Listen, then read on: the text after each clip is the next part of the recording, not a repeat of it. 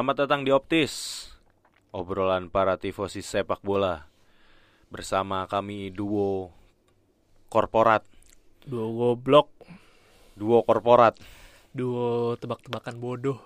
Eh, Hai. tapi BTW melanjutkan yang konten kemarin. Kemarin gue ada yang komen gitu di Instagram gue juga lupa shout out juga. Apa? Ternyata Tim Asia katanya ada satu lagi, Siapa? Australia. Australia Australia itu, masuk jalur Piala Dunia lewat jalur Asia, biarpun negaranya sekarang Oceania. diakui itu Oceania. Iya, Tapi iya. bener sih gua gua cross check di di apa namanya?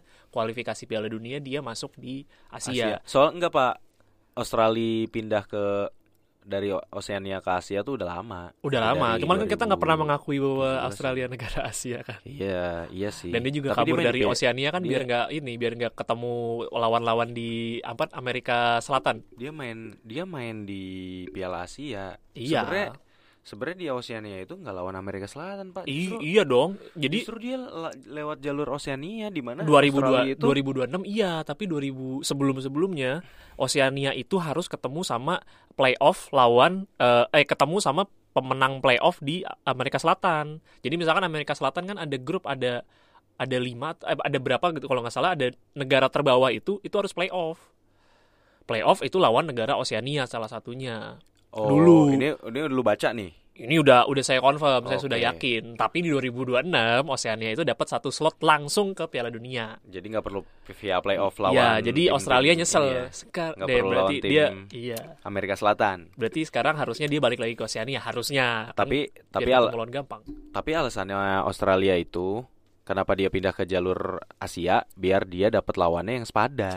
Enggak dia mau Jadi kabur. Australia itu dia mau kabur dari jalur Piala Dunia. mencari Udah. lawan sepadan cuy sebenarnya cuy. Di Asia itu lebih gampang peluangnya karena kan peluang lolosnya dia satu banding berapa? Satu eh satu banding lima apa satu banding Dia itu empat? masuknya AFF juga di Asia kan? Gua nggak tahu lagi.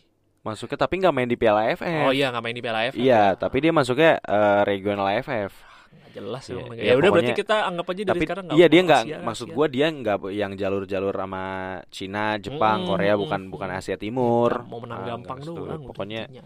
Ya udahlah Australia kayak gitu. udah case close. Case close. Begitu pula dengan tim-tim Asia. Saya mau iya, tim ragu. Asia gimana? saya mulai ragu dengan statement saya. Tapi yang pasti Senegal lolos hari ini. Kita tag hari Selasa. Ya, jadi itu melegakan lah. Melegakan satu lah at least. Iya. lah. Korea yang gue pikir bakalan bisa menggigit dan menang lawan Ghana ternyata ter, ter- Semua negara Asia yang tersungkur. gacor di laga pertama, kenapa laga kedua pada kocak semua? iya, Padahal pada mainnya bagus masuk, loh, pada dominasi. masuk angin. Padahal dominasi semua loh itu. tim-tim. Jepang Jepang lawan Costa Rica malah kalah. Jepang dominasi, Saudi Arabia dominasi, kalahnya juga kalah konyol. Iya, tapi ya sama kalah pun. ya kalah gitu iya, kalah, maksud gue. Iya kalah ya sudah, ya memang sudah kalah. Walaupun walaupun sebenarnya kalau untuk kan lolos ke babak 6 besar 16 besar tuh masih ada Jepang itu masih bisa Oh, yang lolos kalau menang lawan Spanyol. semua ya. ada ada ada kansnya. Saudi Arabia pun masih ada kansnya. Kecuali Qatar. Qatar udah pasti nggak lolos ya. Goblok Tim Asia emang. yang udah pasti nggak lolos Qatar. Udah lah dia fokus bikin ini. stadion aja gitu maksud Iya. gua.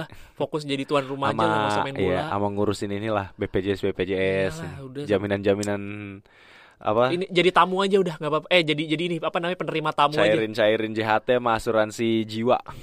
Qatar Iya. kayaknya fokus jadi penerima tamu itu jadi pagar ayu. Dah Iya, itu aja udah. Udah Qatar gitu aja dah.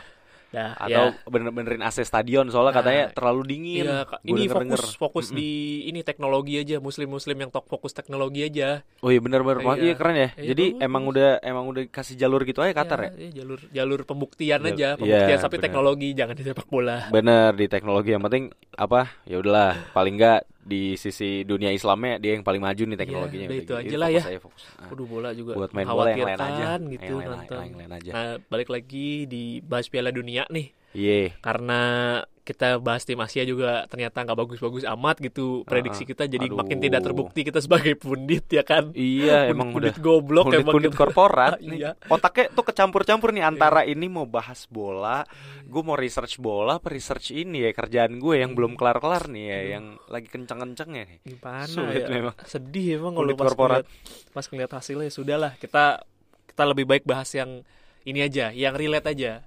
Itu judulnya yang muda yang berprestasi. Oh, iya. Berikan aku 10 muda, pemuda, Iya. maka akan kugoncang dunia. Iya. Waduh. Nah, begitu juga nih sama yang mau kita bahas gitu. Kita ngomongin masalah eh, di FIFA itu se- setahu gue di World Cup setiap setiap edisinya itu selalu ada edisi khusus untuk pemain pemain terbaik untuk pemain muda. Nah, kategorinya itu yang gua tahu di bawah 21 tahun per awal tahun. Jadi per 1 Januari umurnya itu di bawah 21 Di tahun. bawah 21. Di Hmm. bawah 21 Di ba- tahun. yang gue baca sih di ba- gua nggak tahu apakah sama dengan 21 tahun tapi setahu gue di bawah 21 tahun. Under 22, Kong. Under 22 ya Under sudah 22. berarti berarti 21 tahun ke bawah. 22 tahun ke bawah. 21 tahun Enggak itu dong. batas akhirnya. Iya, tapi Ya. 22 tahun udah nggak masuk. Udah nggak masuk, Udah nggak masuk. Berarti Under 20 22. Berarti 21 tahun ke 21 bawah. ke bawah. Ya udah. Nah, ini bahas Iya, ini. under Kak. age ya, masih under age ya berarti. Iya, ya? Ah, ini- ini bocah-bocah bocah-bocah under age ya, Bapak belum usia 21 tahun, Bapak waktu itu lagi ngapain, Pak? lagi struggling mikirin gimana cara bayar kuliah, Pak. Iya. Sama ini, duit bensin, duit ongkos dari kantor ke kampus tuh suka habis. Kita 21 bingung. 21 ngaturnya. tahun itu kalau buat gua itu berarti kan 7 tahun yang lalu ya. Berarti ya ya miskin sih, masih miskin sih. Itu saya lagi berusaha untuk mem membalancekan antara pekerjaan dan kuliah Ya dan intinya gimana cara bayarnya. bener, intinya sih kagak kagak yang sia-sia amat hidup kita. Kagak sia-sia, Ya, tapi kalau Cuman kalau dibandingkan dibandingin sama anak-anak ini, ini, ya ngehe juga ya. ya kita bandingin sama mereka mah udah bawa, udah bangga apa bawa, bawa, bawa, bangga nama negara gitu sama Iya. orang tua gitu orang tua udah Bener. bisa ngobrol di tetangga nih anak saya main Piala Dunia gitu. Saya bikin bangga nih, saya bangga banget. Uh, negara loh ini keren sih dibawa. itu. tapi maksud gua dan dan cukup banyak juga sih ternyata gue perhatiin banyak pemain pemain-pemain di bawah umur 21 tahun yang udah berlaga dan udah reguler gitu mungkin nanti ada beberapa pemain pemain yang kita sebutin mungkin lu familiar kali ya dan memang udah main di tim-tim gede gitu Iya, siapa salah satunya? Pemain muda yang gua lihat eh, Mungkin kalau gue lebih suka karena gue anaknya abjad ya, gue coba runutin dari grup by grup. by grup Jadi kalau dari iya, grup A nih ya, dari grup A. Kalau- Berarti tim di grup A itu ada Qatar, Belanda, Belanda, eh, Ekuador, Ekuador sama Senegal. Senegal. Ya betul. Dari semua negara ini sebenarnya yang cukup banyak pemain muda yang menarik untuk dibahas emang Belanda. Salah satunya yang gue suka tuh Savi Simon, tapi sampai- belum pernah main, belum pernah main, belum pernah main di. Pildun. Di bawah kan? Di tapi- bawah, di bawah. Tapi maksud gue sebelum Piala Dunia pun juga dia yang permainannya paling eksplosif, yang permainannya paling ketara banget. Karena gue beberapa kali sempat nonton dia di PSV, apalagi lawan Arsenal waktu itu menang 2-0, Iya. itu mainnya bagus banget pak. Jadi si Xavi Simon entah kenapa gue kira dia anak gaya-gayaan dari PSG doang. Iya kayak zaman-zaman YouTube boy lah Iya, YouTube iya. boy. Iya, gue kira dia bakal bakal jadi anak-anak sampah yang kayak ada ya anak-anak muda udah kebanyakan duit tau gak sih lo ternyata mainnya di PSV bagus. Anak muda kebanyakan duit tuh kayak siapa pemain Indonesia tuh Siapa? yang jadi bintang iklan terus Ah, sekarang iya, main lagi. Nggak boleh, nggak boleh. Ya, jangan. Itu kayak bagus Sensitif, deh, ntar. sensitif ya? sensitif, Ya udah. Bahas dan bahasa Tapi- gitu dah. Tapi tapi gue pengen tahu nih, Savi Eh. Simon itu kan setahu gue posisinya gelandang nih ya. Iya, gelandang yang Walaupun oh ya, ya Gelandang- tipis-tipis lah gelandang Hernandez ya. Iya, gelandang Mm-mm. versatile yang agak ke depan gitu. Jadi bisa main di sayap juga, bisa main di belakang striker juga. Iya. Oh kayak Subasa posisinya. Subasa Iya, modern. Subasa ya. modern tapi Subasa menurut gua modern. keren sih, keren. Maksud gua, gua ngeliat permainan dia juga keren. Udah bukan menggambarkan anak 19 tahun gitu loh. Gue pernah nonton sih eh PSV lawan Arsenal itu gue nonton. Hmm. Gua jujur nonton highlight yang inilah yang yang 17 menitan lah, Iya, yang 20 iya, menit. Si Savi Simon itu mainnya aduh gue kalau ngebandingin tuh kayak siapa ya susah juga Gua ya. ngeliatnya malah kayak mirip kayak Jude Bellingham mainnya. Hampir mirip gaya Gue mainnya. pengen bilang mainnya kayak kakak, cap, tapi kakak juga Wah. pemain tradisional yang nggak nggak yang mm, ya, kayak De Bruyne lah ya kalau mau gue ya, bandingin ya masih masih De ini Bruyne. banget lah ya, masih kasar banget ya. masih kasar. De Cuman Bruyne maksud mah gua- udah eh, bagus banget iya. secara visi, Iya. secara dribbling gitu ya maksud Mungkin gua. bisa ke situ ya, bisa jadi the next Iya. De Bruyne juga ya. Cuman maksud gua ya semoga se- di di laga-laga berikutnya bisa dimainin sih. Karena gue ngeliat dia punya potensi banget gitu loh. Ya tapi gua nggak tahu ya Van Hal kan ngelihatnya mungkin mungkin ngelihatnya kayak masih muda masih nih. muda. Aduh, dia juga kesian mungkin nih. akan di bawah hanya hanya untuk sebagai opsi ketiga gitu loh atau opsi terakhir ketika memang gelandang-gelandangnya nggak bekerja dengan dengan baik karena dan masuk kan, akal kalau untuk Piala Dunia ya, Piala turnamen kayak Piala Dunia. Menurut Tapi kan gua kayak lawan Qatar masa nggak dimainin gitu tadi juga. iya itu sayang ya. Sayang banget. Buat buat nambah Cuman- pengalaman aja gitu. Iya, tapi di Belanda dia nabrak sama siapa Davy posisinya? Klaassen Frank ya, yang yang yang pasti yang kemarin main terus sih Davy Klaassen terus Berghuis juga beberapa Berku- iya, ber- bacanya apa sih itu berkuai? gua sih bacanya Berghuis ya, gua Iya, tahu udah. kata Koci ntar gua disalahin lagi. ya tapi maksud gua Berghuis terus juga eh, posisinya tadi eh, Davy Klaassen yang yang udah cukup sering main sih, setahu gua. Iya. Jadi, jadi itu posisinya. Ya, Ya, itu di grup A sih menurut gua. ya gua Gitu rasa gua rasa Luis Van Gaal juga mencari aman ya. Luis Van Gaal mencari aman karena eh, Belanda harus menang lawan Qatar untuk memastikan diri jadi juara grup. Ya, ya gue juga kalau jadi dia mungkin Iya, itu hitung-hitungan bracketnya biar lebih enak juga kan. Ya, ya, Ketemunya runner up grup seberangnya. ya, betul. Kalau nggak salah grup A itu oh oh enggak. R- Grup A itu ketemunya sama runner up grup B. Ya, di betul. bener yang kan? hari ini nanti main jam 2 pagi. Yang yang kita tag hari apa nih? Kita Hari, hari udah Rabu. hari Rabu, Hari Rabu kita tapi tag. jam satu Jam dini satu, hari nih. ya. Habis satu jam menung- me- menuju apa namanya pertandingan grup B. grup B. Ya. Heeh. Ya, kalau di grup A itu. Tapi sebenarnya ada satu tadi pemain yang gue cukup perhatiin eh, di pertandingan-pertandingan sebelumnya bagus. Jeremy Sarmiento-nya Ekuador. Dia main di area sayap. Ini pemain masih umur 20 tahun. Pas tahu gue dia main di Dia Brighton. sayap Kiri. di kiri betul, di kiri. oh, yang di ngasih kiri. ngasih umpan-umpan tuh. Iya, tadi salah manis-manis. satunya yang ngasih umpan ke apa namanya? ke mau Sasiedo ya, strikernya Ekuador. Itu dia tadi. Menurut gue visinya dari dia main lawan Qatar sih lumayan oke ya untuk untuk ukuran pemain sayap yang main di Piala Dunia berumur 20 tahun sih cukup oke, tapi sayangnya kan gak lolos. Jadi Oh kemungkinan iya, dia bisa menang buat jadi lolos pemain muda terbaik sih kayaknya sudah kandas. Belanda. Jadi harusnya ya ada Safi Simon lah di situ lah. ada Safi Simon ya. Semoga A. bisa semoga bisa dimainin ya Betul. di pertandingan 16 Semoga, besar atau semoga. ya sejauh-jauhnya Belanda lah. Betul, Oke. betul. Itu Grup grup A. Ada lagi nggak? Grup ada, A. udah habis. Itu satu aja ya. buat Program gua satu aja. itu ya? dulu aja. Sebenarnya ada beberapa pemain lagi, cuman maksud gue yang panjangan. harusnya paling menonjol itu aja lah, cukup itu aja lah. Grup B. Grup B, Inggris, Iran, United States dan juga Wales. Wales apa sih? Wales. Nah, itu Wales mulu udah. Di Inggris Banyak. ada Jude Bellingham. Sangat banyak. Ada Mason Mount masih masuk nggak Eh, umurnya? Mason Mount enggak enggak udah 23, tapi 23 Bukayo ya? Masuk. oh iya Bukayo Saka ya. Bukayo Saka masuk. Eh gua nggak tahu Phil Foden hitungannya udah setahu gue udah dua-dua sih, harusnya dia nggak masuk sih. Jadi harusnya ting eh sebenarnya hitungan di bawah 25 pemainnya cukup banyak, tapi yang kemungkinan akan masuk ya antara Bukayo Saka atau Jude Bellingham yang dua-duanya mainnya pada saat lawan Mantep Iran ya. eksklu eh apa namanya eksplosif banget terus ya tapi memang kemarin pas lawan US mentok sih ya. Tapi bisa dilihat bahwa Jude Bellingham nih udah udah kayak ngelihat pemain yang udah dimain di cap senior udah lama banget gitu loh. Mainnya tenang gitu loh. Bukan gua nggak ngeliat pemain umur 2 19 tahun lah di situ. Foden masih masuk, Pak. Foden masih masuk ya. Dia itu harus berumur di bawah 22 tahun ketika awal tahun 2022 kan. Iya, Dia itu ulang Oh, tahunnya iya. 28 Mei. ya. 28 Mei Masih tahun masuk 2000. ya. Berarti dia masih masuk. Dia Oh. waktu awal Januari masih 21 umurnya. Oh, ya, ya, ya. Tapi gua tetap ngejagoin 21 Jude Bellingham. 8 bulan. Tetap Jude Bellingham. Untuk dua pertandingan yang gua tonton sih Jude Bellingham masih Phil Foden tuh masih masih ada ego-ego anak pemain mudanya tau gak sih? tapi tapi gua rasa Nah. kalau untuk menang-menang, Phil Foden lebih menonjol. Maksud gua gini Nah, loh kok. Bagus nih, ada ada konflik-konflik ada konflik loh. ya. Gini, Phil Foden itu jadi untuk award-award ini pasti udah ada kecenderungan di mana pemain-pemain yang memang punya spotlight itu bakalan lebih gampang untuk untuk mendapatkan award itu. Phil Foden secara statistik juga udah golin kan di Piala Yes, Dunia. Jude Bellingham memang kagak golin, kagak Iya, asis. asis. Lebih lebih banyak loh kalau ngomongin statistik lebih banyak Jude Bellingham. Nah, ini dia, ini dia. Sebenarnya persaingannya seru nih kalau pemain-pemain muda Inggris nih. Iya. Jude Bellingham saat ini secara statistik itu masih memimpin Masih. dan secara ini ya eh Whole game-nya eh, juga- secara eyeball ya, Iya, secara, kita whole game juga, ya. juga juga dia bener-bener ini banget ya, maksudnya dominan banget dibandingkan Saka sama Phil Foden nih jauh banget gitu. Iya, iya, iya. Role role-nya dia di Inggris itu cukup cukup cukup dominan Vital, dan menonjol. vital Iya, banget, vital, vital vital. Gue setuju, gue setuju, setuju banget. Tapi gue tetap pada prinsip gue bahwa Phil Foden ini juga ada di garda terdepan untuk mendapatkan award karena dia udah punya spotlight. Phil Foden itu kayak cuman butuh beberapa gol aja deh. Jadi misalnya secara statistik kalah nih, misalnya golnya Hmm. kurang satu, asisnya kurang Ya. satu nih.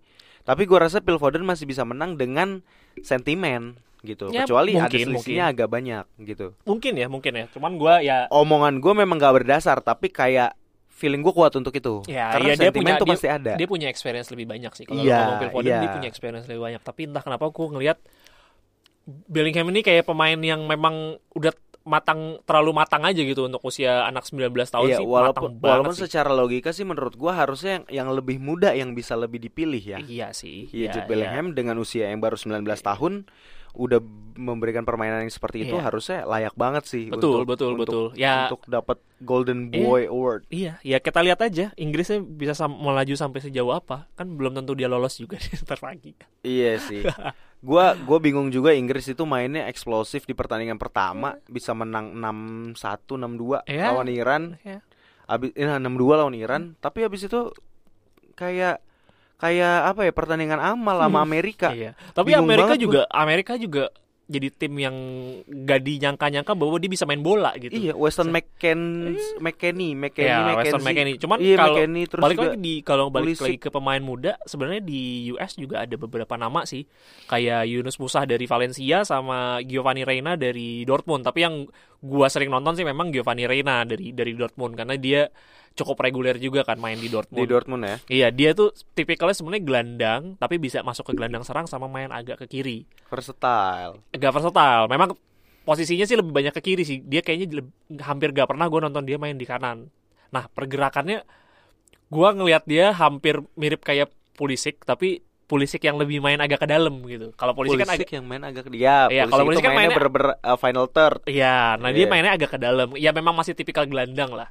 Nah kemarin juga kayak gue tonton lumayan, lumayan oke ya si apa namanya si Giovanni Reina. Tapi gue lupa itu gue nontonnya pas lawan pertandingan lawan siapa. Giovanni Reina, Iya. 20 tahun iya ya, Iya, dia iya. tipenya winger. Strikernya juga kalau nggak salah masih muda juga kan si Josh Sargent itu yang main di Norwich City cuman ya biasa aja lah.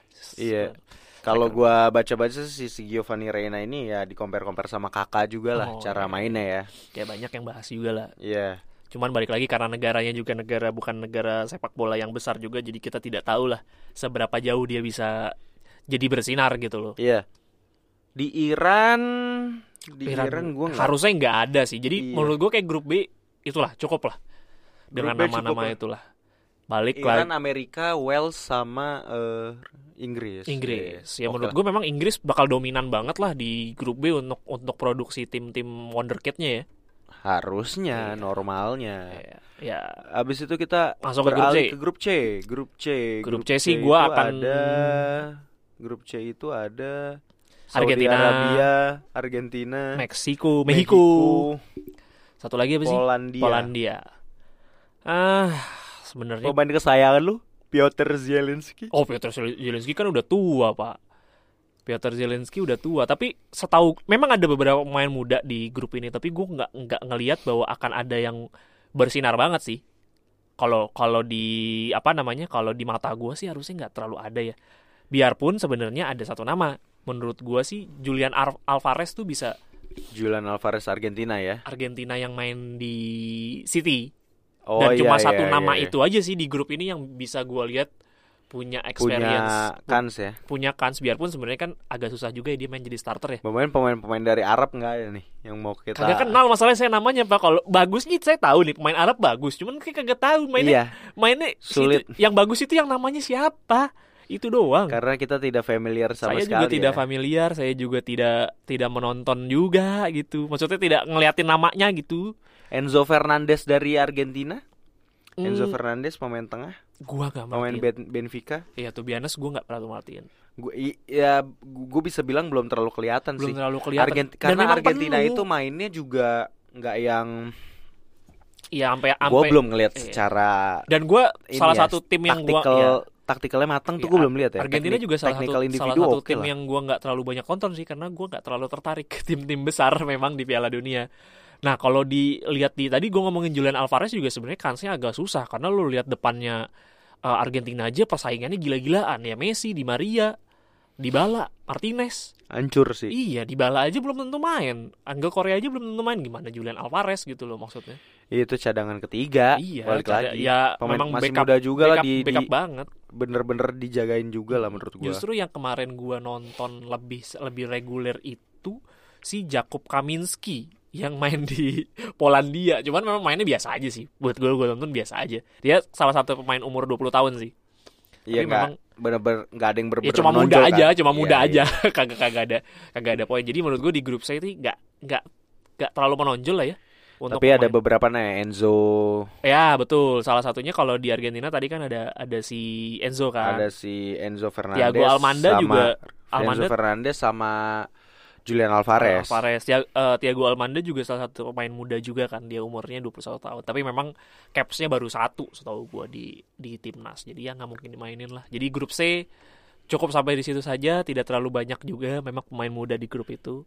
Kalau kita lanjut ke grup D yang isinya itu Australia, Denmark, eh, Prancis dan juga Tunisia. Sebenarnya ada satu nama nih, bukan dari Prancis yang justru gue lagi perhatiin, justru dari Tunisia. William Saliba di Prancis. Dari Tunisia si Hannibal Mejbri Hannibal.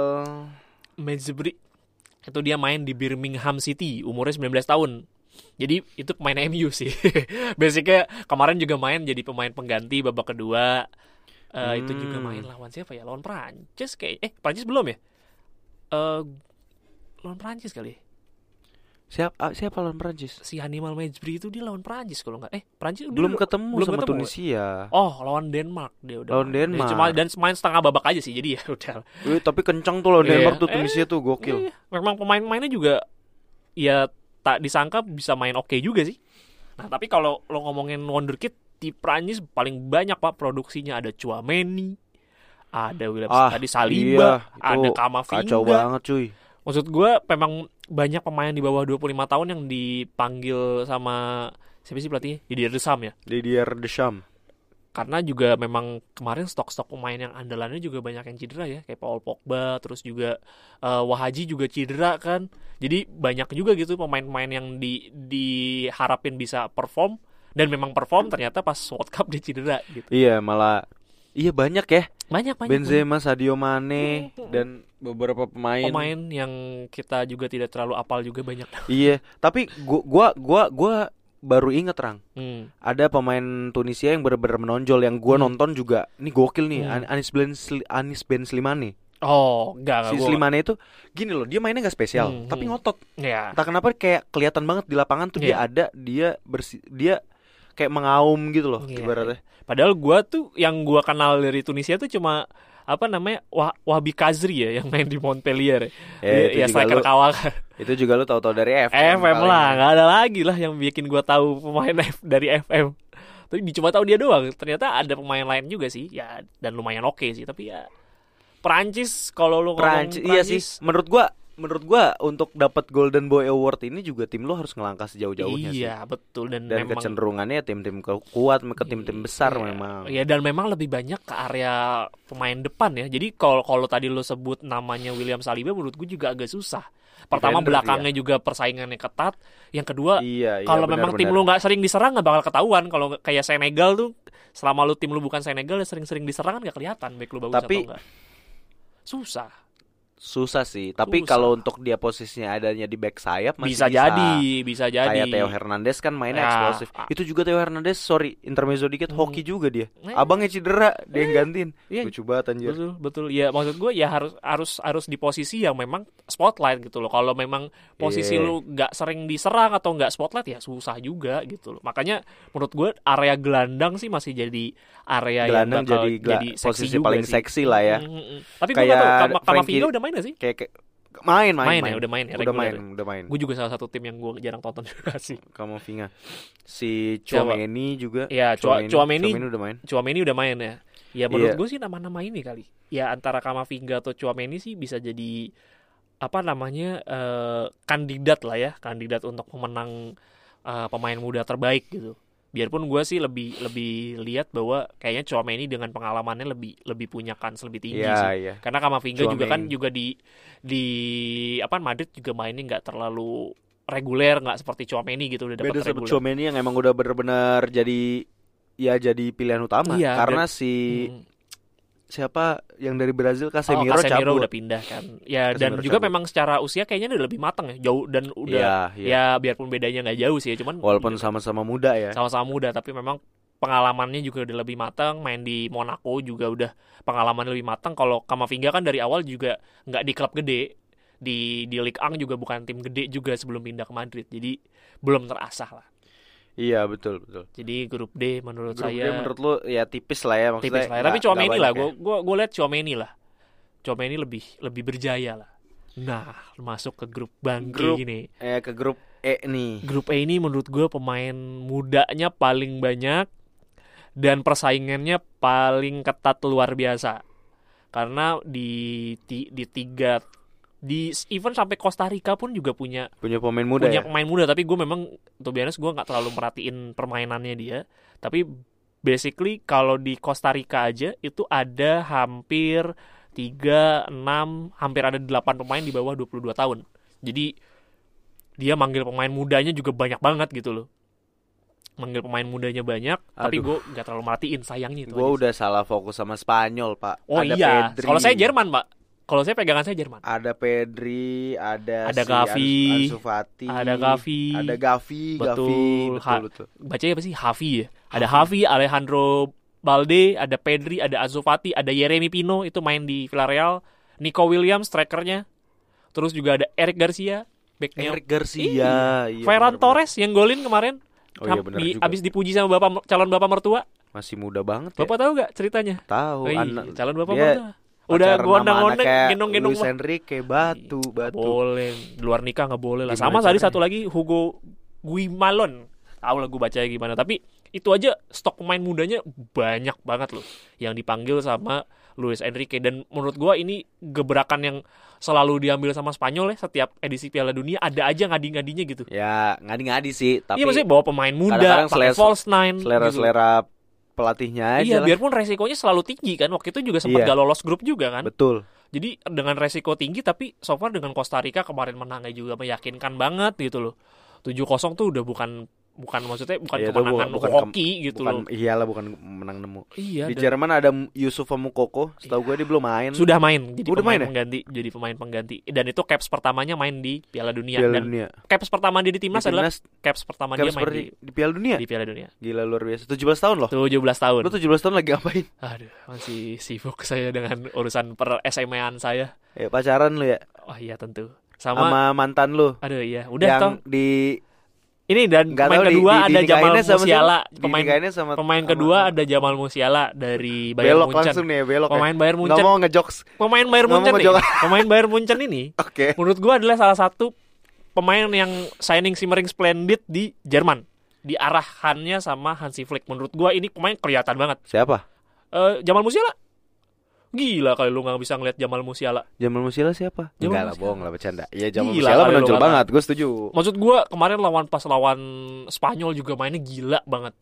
Gila, tapi gua cukup menyayangkan dia par- ternyata performa timnya juga Lega lagi bagus. bapuk. Iya, iya. Gue bisa bilang bapuk juga. Jerman Komposisi ya? pemainnya juga nggak nggak sehedon itu. Jadi kayak ada gap-gap di posisi-posisi tertentu, tertentu gitu loh.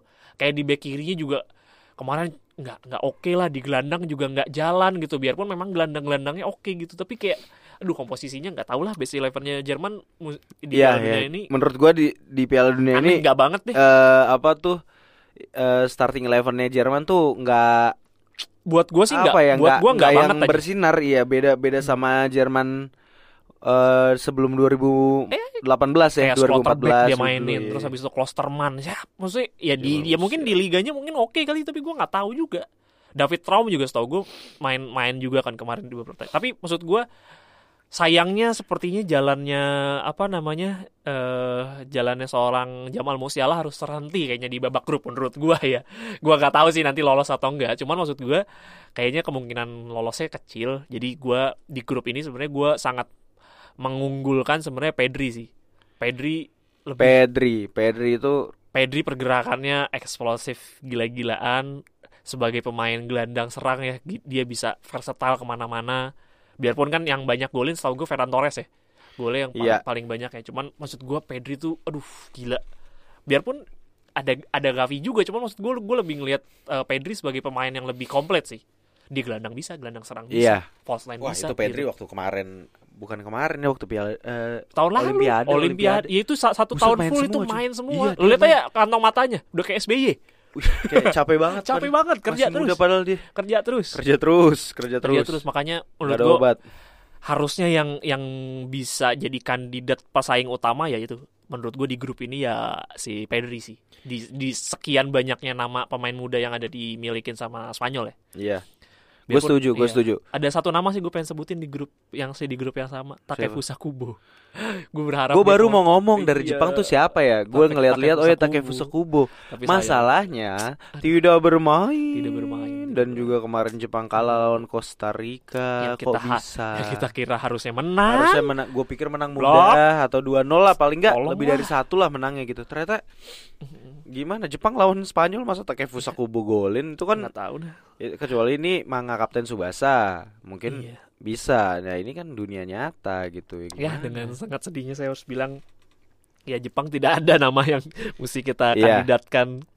Ya udah bukan nggak ada pemain mudanya ya, nggak ada- tapi iya. nggak ada nama yang bisa dimajukan ya, untuk bersaing ya. Iya, ya sudah kita lanjut ke grup F. Sebenarnya ini ada pemain kesayangan lo sih di sini. Ada Belgia, ada Kanada, ada Kroasia dan ada Monaco. Yang pasti jadi pemain kesayangan lo, lo inget gak siapa? Si Charles de Ketelaere. Charles de Ketelare. Yang dia main Pemain sekali ya? muda itu. Iya, pemain muda. Pemain Main muda. baru sekali dan masih nggak jelas juga mau ngapain dia main di situ. Sebenarnya sebenarnya de Ketelare itu pemain bagus, Ran. Iya. Dia itu punya dia itu free roam. Free Iya. roam gitu kayak siapa ya? Kalau gua dia bandingin eh, free roam no vision. free roam free roam finishing nggak nggak jelas. Kalau dibilang nggak punya visi nggak juga ya. belum Cuman menurut gue sih belum siap. Piala belum dunia dia belum siap. lah, Belum, belum siap, belum siap. Dan tapi menurut gue 4 tahun lagi juga belum tentu siap. Pemainnya udah pada habis. Belgia generasinya iya udah lagi, putus. generasi emasnya udah Iya. Padahal Kayaknya ada ini terakhir ya. Heeh. Padahal di sini ada satu ya. nama yang gue pengen sebut tapi pad- sayangnya grupnya sudah eh pemainnya eh, timnya sudah dipastikan tidak lolos. Alfonso Davies. Alfonso Davies. Iya, timnya kan udah dipastikan bahwa Kanada tidak bakal lolos. Jadi ya, Ya sudah, udah. case close aja Kita lah kita case nggak usah bahas aja. terlalu detail lah ya. Gua rasa dari Belgia juga pemain mudanya udah nggak ada deh. Nggak ada, nggak. Ya, maksud gue maksud gua nggak bisa bersih. Masa lu saingin sama Jude Bellingham kayaknya enggak, enggak, deh. enggak, enggak, enggak. Menurut gue enggak, enggak oke. Kecuali Jude Bellingham kalah ya. Belgia oke. sampai final terus dia main di final nyetak gol Iya, gitu. Menurut gue nggak bisa di Macam Eder waktu Portugal tuh. nggak bisa Kayak dimasukkan. gitu. Justru menurut gue yang mau gue masukin satu nama Eh, dari Kroasia, namanya Josko Gvar. Ya gue nggak tahu Gvari Diol apa sih gimana sih cara bacanya. Pokoknya dia back kirinya Vardiol nggak tahu. Gvardiol. Ya, Jos. Josko Gvardiol. Josko Vardiol. Oh ya, gitu aja. ya Josko Gvardiol. Nah ini gua ing karena gue main FM ya, gua gua tahu statistiknya di FM gimana. Tapi basically dia kan eh, main di sayapnya kirinya Kroasia. Ini yang yang gua bener-bener nonton pada saat lawan Monaco. Eh Monaco, Maroko. Ingat gak lu? Maroko itu kan terkenal di area sayap kanan. Iya, iya. Nah, Kroasia ini hidupnya di sayap kiri. Di sayap nah, kiri. penghidupnya itu salah satunya Josko Gvardiol dari area sayap kirinya Oh, Jadi ada Kroasia. Hakim Ziyech-nya.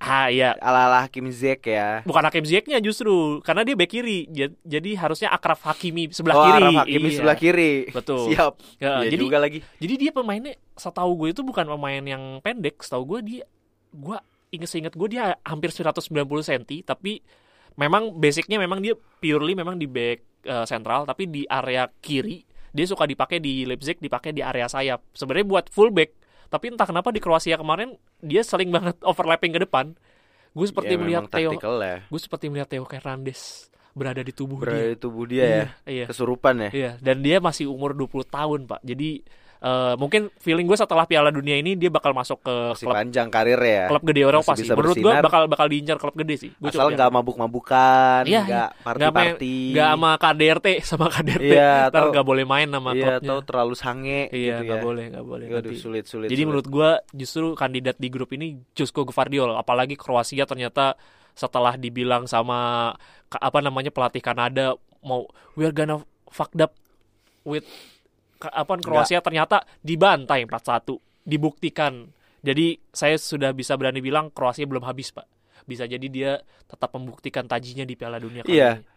menurut gue bisa, tapi tergantung kocokan kalau pakai versi Oh ya tergantung kocokan dan memang Tergantung ini kocokan. pemain usia di atas 30-nya itu banyak banget dan itu memang semua pemain utama kayak misalkan Brozovic, terus habis itu Krasmarik, Dejan Lovren, Ivan Perisic, Modric. Ini kalau sampai core-nya tiba-tiba bisa out karena cedera atau misalkan kecapean, ya bisa jadi cedera atau Iya, akumulasi saingannya saingannya bener-bener nggak ada yang sepadan nggak sih. ada yang sepadan, mirip kayak Senegal lah. Bisa Ini, jadi digeser-geser yang tadinya Iya. dia back kiri jadi naik Nah, jadi ke sayap kiri jadi atau tengah. eh, tuju- apa namanya ujian mereka justru di diri mereka sendiri seberapa kuat mereka bisa bertahan sampai melaju sejauh-jauhnya karena memang di Qatar ini kan memang ya fisik mesti dituntut Penuh se- kejutan. Iya, penuh kejutan dan Terus di- juga dibutuhin fisik yang kuat gitu loh tapi di Qatar tuh katanya nggak terlalu panas, Pak. iya nggak terlalu Sebenarnya di padang terlalu pasir panas itu tapi capek capek iya, karena di- karena klub di kan. padang pasir itu menurut gue tuh panas, tapi nggak lembab. Di Jakarta kalau di Indonesia ya, karena dia lembab jadi lu gampang keringetan. Nah, Kayaknya beda deh. Maksud gue gue yakin banget itu rasanya beda.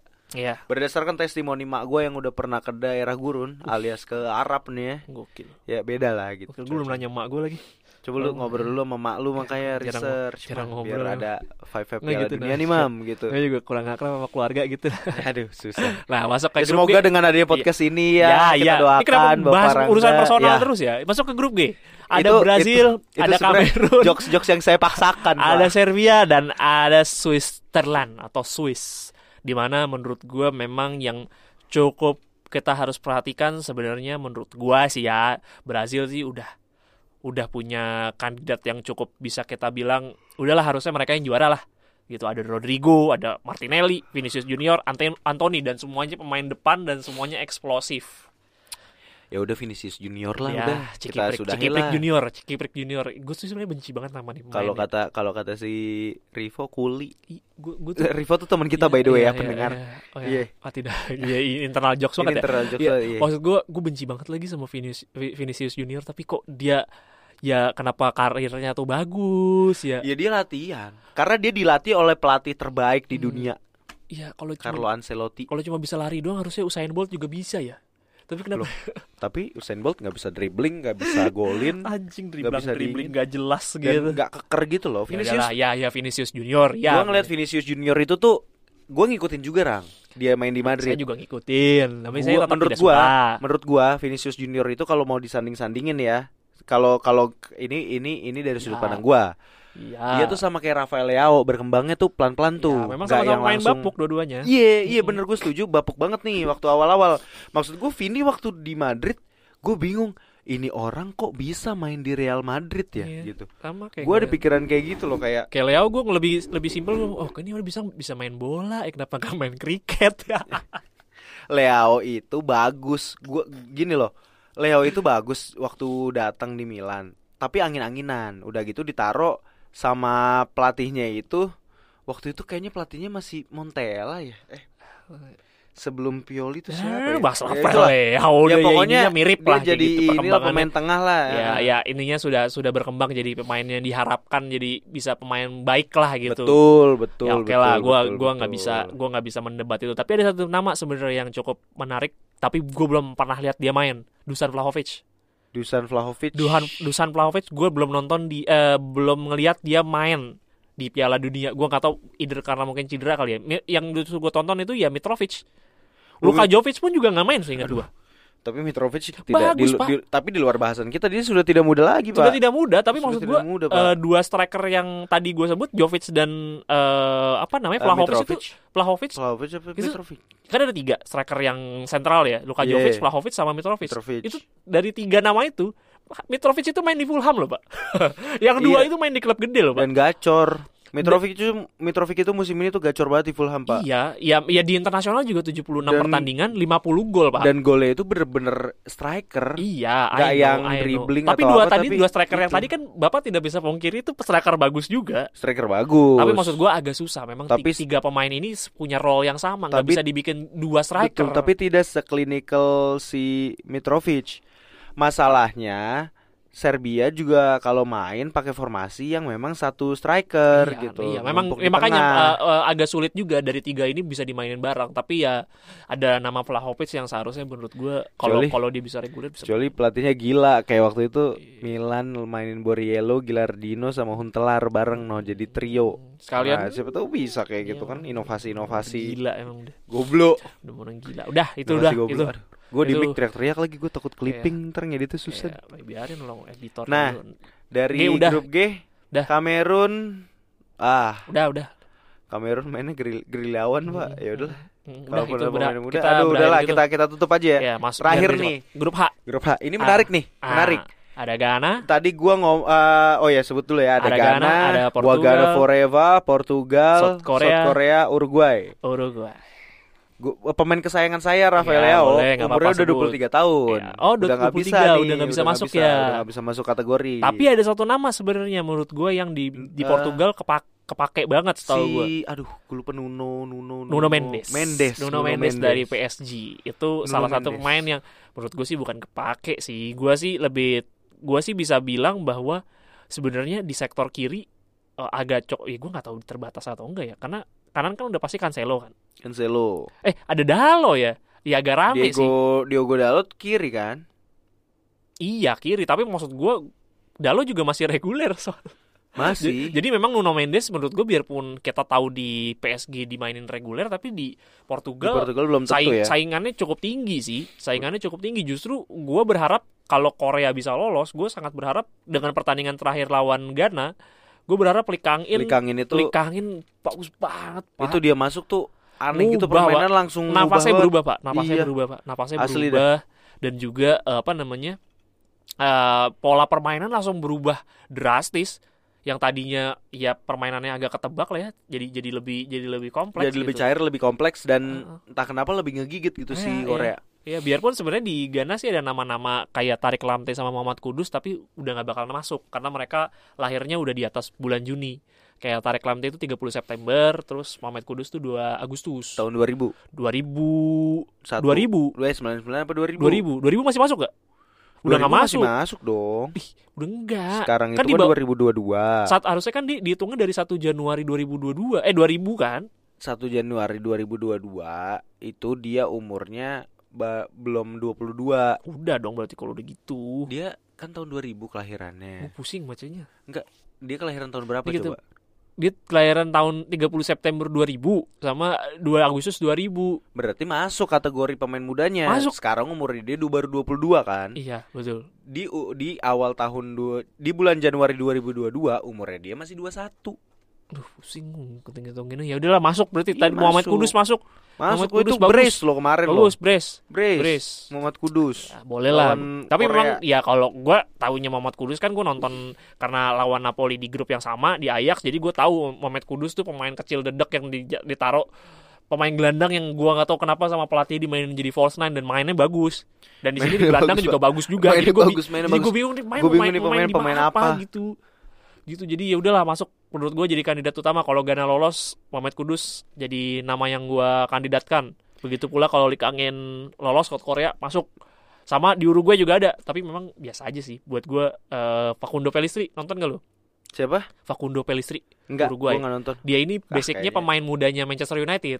Ya tapi MU lagi ya. MU lagi. Cuman memang ini orang masih belum ada visi. Jadi pertandingan pertama lawan Korea Selatan itu dia dimainin. Dan memang Dan masih muda banget gak sih? Baru 19 tahun kan tadi eh kan? 20 20. 20 pace-nya bagus pace-nya pace-nya bagus permainannya cepat tapi nggak punya visi ya tipikal anak-anak muda aja sih lah main ya ya penting lari gitu ya kayak semangat. ya kayak tadi kita ngomongin Vinicius Junior sama Rafael Leao ya lari Ya, aja dulu lah mikir belakangan Iya lagi beberapa musim Iya. mainnya gitu lagi ya lari-larian jadi menurut gue di tiap di tiap tim di grup ini semuanya punya potensi untuk punya jadi pemain muda terbaik gitu sebenarnya tapi kita lihat aja siapa yang pasti lolos. Karena kan di grup ini juga baru Portugal yang dipastikan lolos tapi itu pun juga Nuno Mendes belum reguler di di Piala Dunia ya Iya. bukan bukan di timnas secara keseluruhan jadi paling sekalipun sekalipun main ya cuman jadi pelapis aja gitu Pelapis, buat karena memang- rotasi. karena memang udah form juga event ini aja nggak masuk loh Mario Babang Rui yang main di Mario Napoli Rui, begitu Mario gacornya nggak masuk pak karena kalah sama Rafael Gue Guerrero ada Cancelo ada Dalo dan Nuno Mendes itu semua memang pemain bagus juga agak sih pemain bagus-bagus ya lagi Iya, wangi loh. bagus Guerrero juga ternyata memang lagi wangi di Dortmund jadi ya sudahlah saya juga ikhlas jadi Sulit. seluruh grup kita sudah bahas keseluruhan pemain juga per grup udah kita bahas Menurut gua menurut gua Jude Bellingham yang paling sama depan. saya masih menurut gua saya Jude masih Bellingham yang berpikir paling depan. karena memang Walaupun secara sentimen Phil Foden masih bisa menang. Ya, maksudnya Inggris menurut gua akan jadi akan jadi negara yang punya peluang untuk menghasilkan pemain muda terbaik ya di Piala Dunia ini ya. Setuju ya? Setuju. Gak ada, nggak ada setuju. perdebatan sih menurut gua juga gua agak agak susah mendebat juga. Dan Inggris itu harusnya melangkahnya jauh bisa ke quarter final lah Betul. Oh, sama sebenarnya ada na- da- lebih dari 16 besar ada lah. satu lagi sih sebenarnya. Spanyol sih yang kita lupa sebutin. Spanyol juga punya potensi untuk maju Iya jauh juga. Jadi Iya, dua iya. itulah. Menurut, Spanyol, Inggris. menurut menurut gue udah Spanyol dan Inggris sih. Dan dua nama yang menurut gue kandidat paling utama ya tadi eh, Pedri dan juga Jude Bellingham bisa Sebentar, punya Pak. kandidat. Spanyol, Inggris, Prancis. Itu kuat banget tuh. Belanda, gue pengen bilang Belanda tapi kalau gue ngeliat mainnya tuh kayak masih nggak mature gitu loh. Belum jadi tim yang emang biasa kita lakuin gitu. Jadi emang gue nggak sebut dua banget. tim terakhir karena memang yang yang kita bahas karena pemain muda dua dua tim itu pemain mudanya kurang kurang berkontribusi secara keseluruhan sih. secara reguler lah ya Iya, maksudnya. nah jadi bukan- se- ya, iya, betul. bukan jadi memang dua negara tadi aja sih secara summary menurut gue yang bakal bakal menunjukkan atau menghasilkan eh, pemain muda terbaik di Piala Dunia kali ini Well, apa pun ya itu. gua rasa gua rasa ya memang begitu adanya lah Ya, gitu. Gue mau mendebat juga kayak bingung ya. Eh. Kecuali emang otaknya FIFA udah mulai kebelinger atau bahkan gue yang orang FIFA-nya nih yang bisa ngevote ngevote lah. Eh, ya. Mungkin baru berubah-berubah. Ya hopefully yang muda bisa berprestasi, yang tua juga bisa bantu lah yang ngayomin ya supaya nanti yang muda bisa jadi bagus gitu maksudnya. Betul, betul. Kita kan Jadi masih pengen lihat Jude Bellingham main bagus kayak gini yang tua umur 25. ngeponten lah, tapi ngepontennya yang bener, jangan Bener. cuman ibaratnya duduk ngeponten marah-marah Iya. habis itu kayak bapak-bapak di tongkrongan rumah lu gitu ya kan kan. eranya GOAT juga sudah mau berakhir kan Messi dan Ronaldo ini the last dance-nya mereka di Piala Dunia Iya, ini. betul, Kita betul. berharap kita bisa nemuin GOAT yang baru biarpun ya ada yang bilang Mbappe dan juga Haaland kan, tapi ya siapa tahu Masih banyak kemungkinan yang Masih- bisa di ditemuin gitu iya, loh. siapa tahu nanti era eranya Jude Bellingham dan eranya Pedri akan Bener. lahir gitu di mana era era gelandang sebagai GOAT baru gitu. Dulu kan di mana-mana kan GOAT itu selalu berbicara masalah pemain depan kan. Betul. Siapa tahu pemain gelandang lama-lama mundur ya, lama-lama iya, lama-lama mundur jadi kiper sih. GOAT-nya gitu. Wih, Bisa, kapan bisa. lagi kiper jadi GOAT gitu. Bisa, bisa. Tapi Gitu. Iker Casillas god sih buat gua. Walaupun tidak ditasbihkan ya Iya. dengan secara resmi ya. Cuman ya biarpun bisa dia nge-tweet, biarpun dia bilangnya I'm gay, I'm gay. I'm gay bercandaan sama Puyol. ya goblok, cuman goblok, ngehe goblok. aja sih. Maksudnya sekelas sekelas Iker Casillas gitu kan Nah, tiba-tiba. OT itu OT. Udah itulah Udah pokoknya OT. menurut kami yang muda yang berprestasi di Piala Dunia kali ini kalau menurut kalian beda, bolehlah disampaikan di komentar kami. Buat jadi terakhir pesan dari saya adalah buat teman-teman yang masih muda-muda walaupun kita tidak berprofesi sebagai pemain bola bukan berarti kita tidak bisa bersinar. Wah, tetap gila. tetap semangat ya. Gila, ada bekerja. pesan-pesan moral aja. Wih, gila pesan moral ini maksa-maksa aja nih pokoknya Iya yang penting seru lah.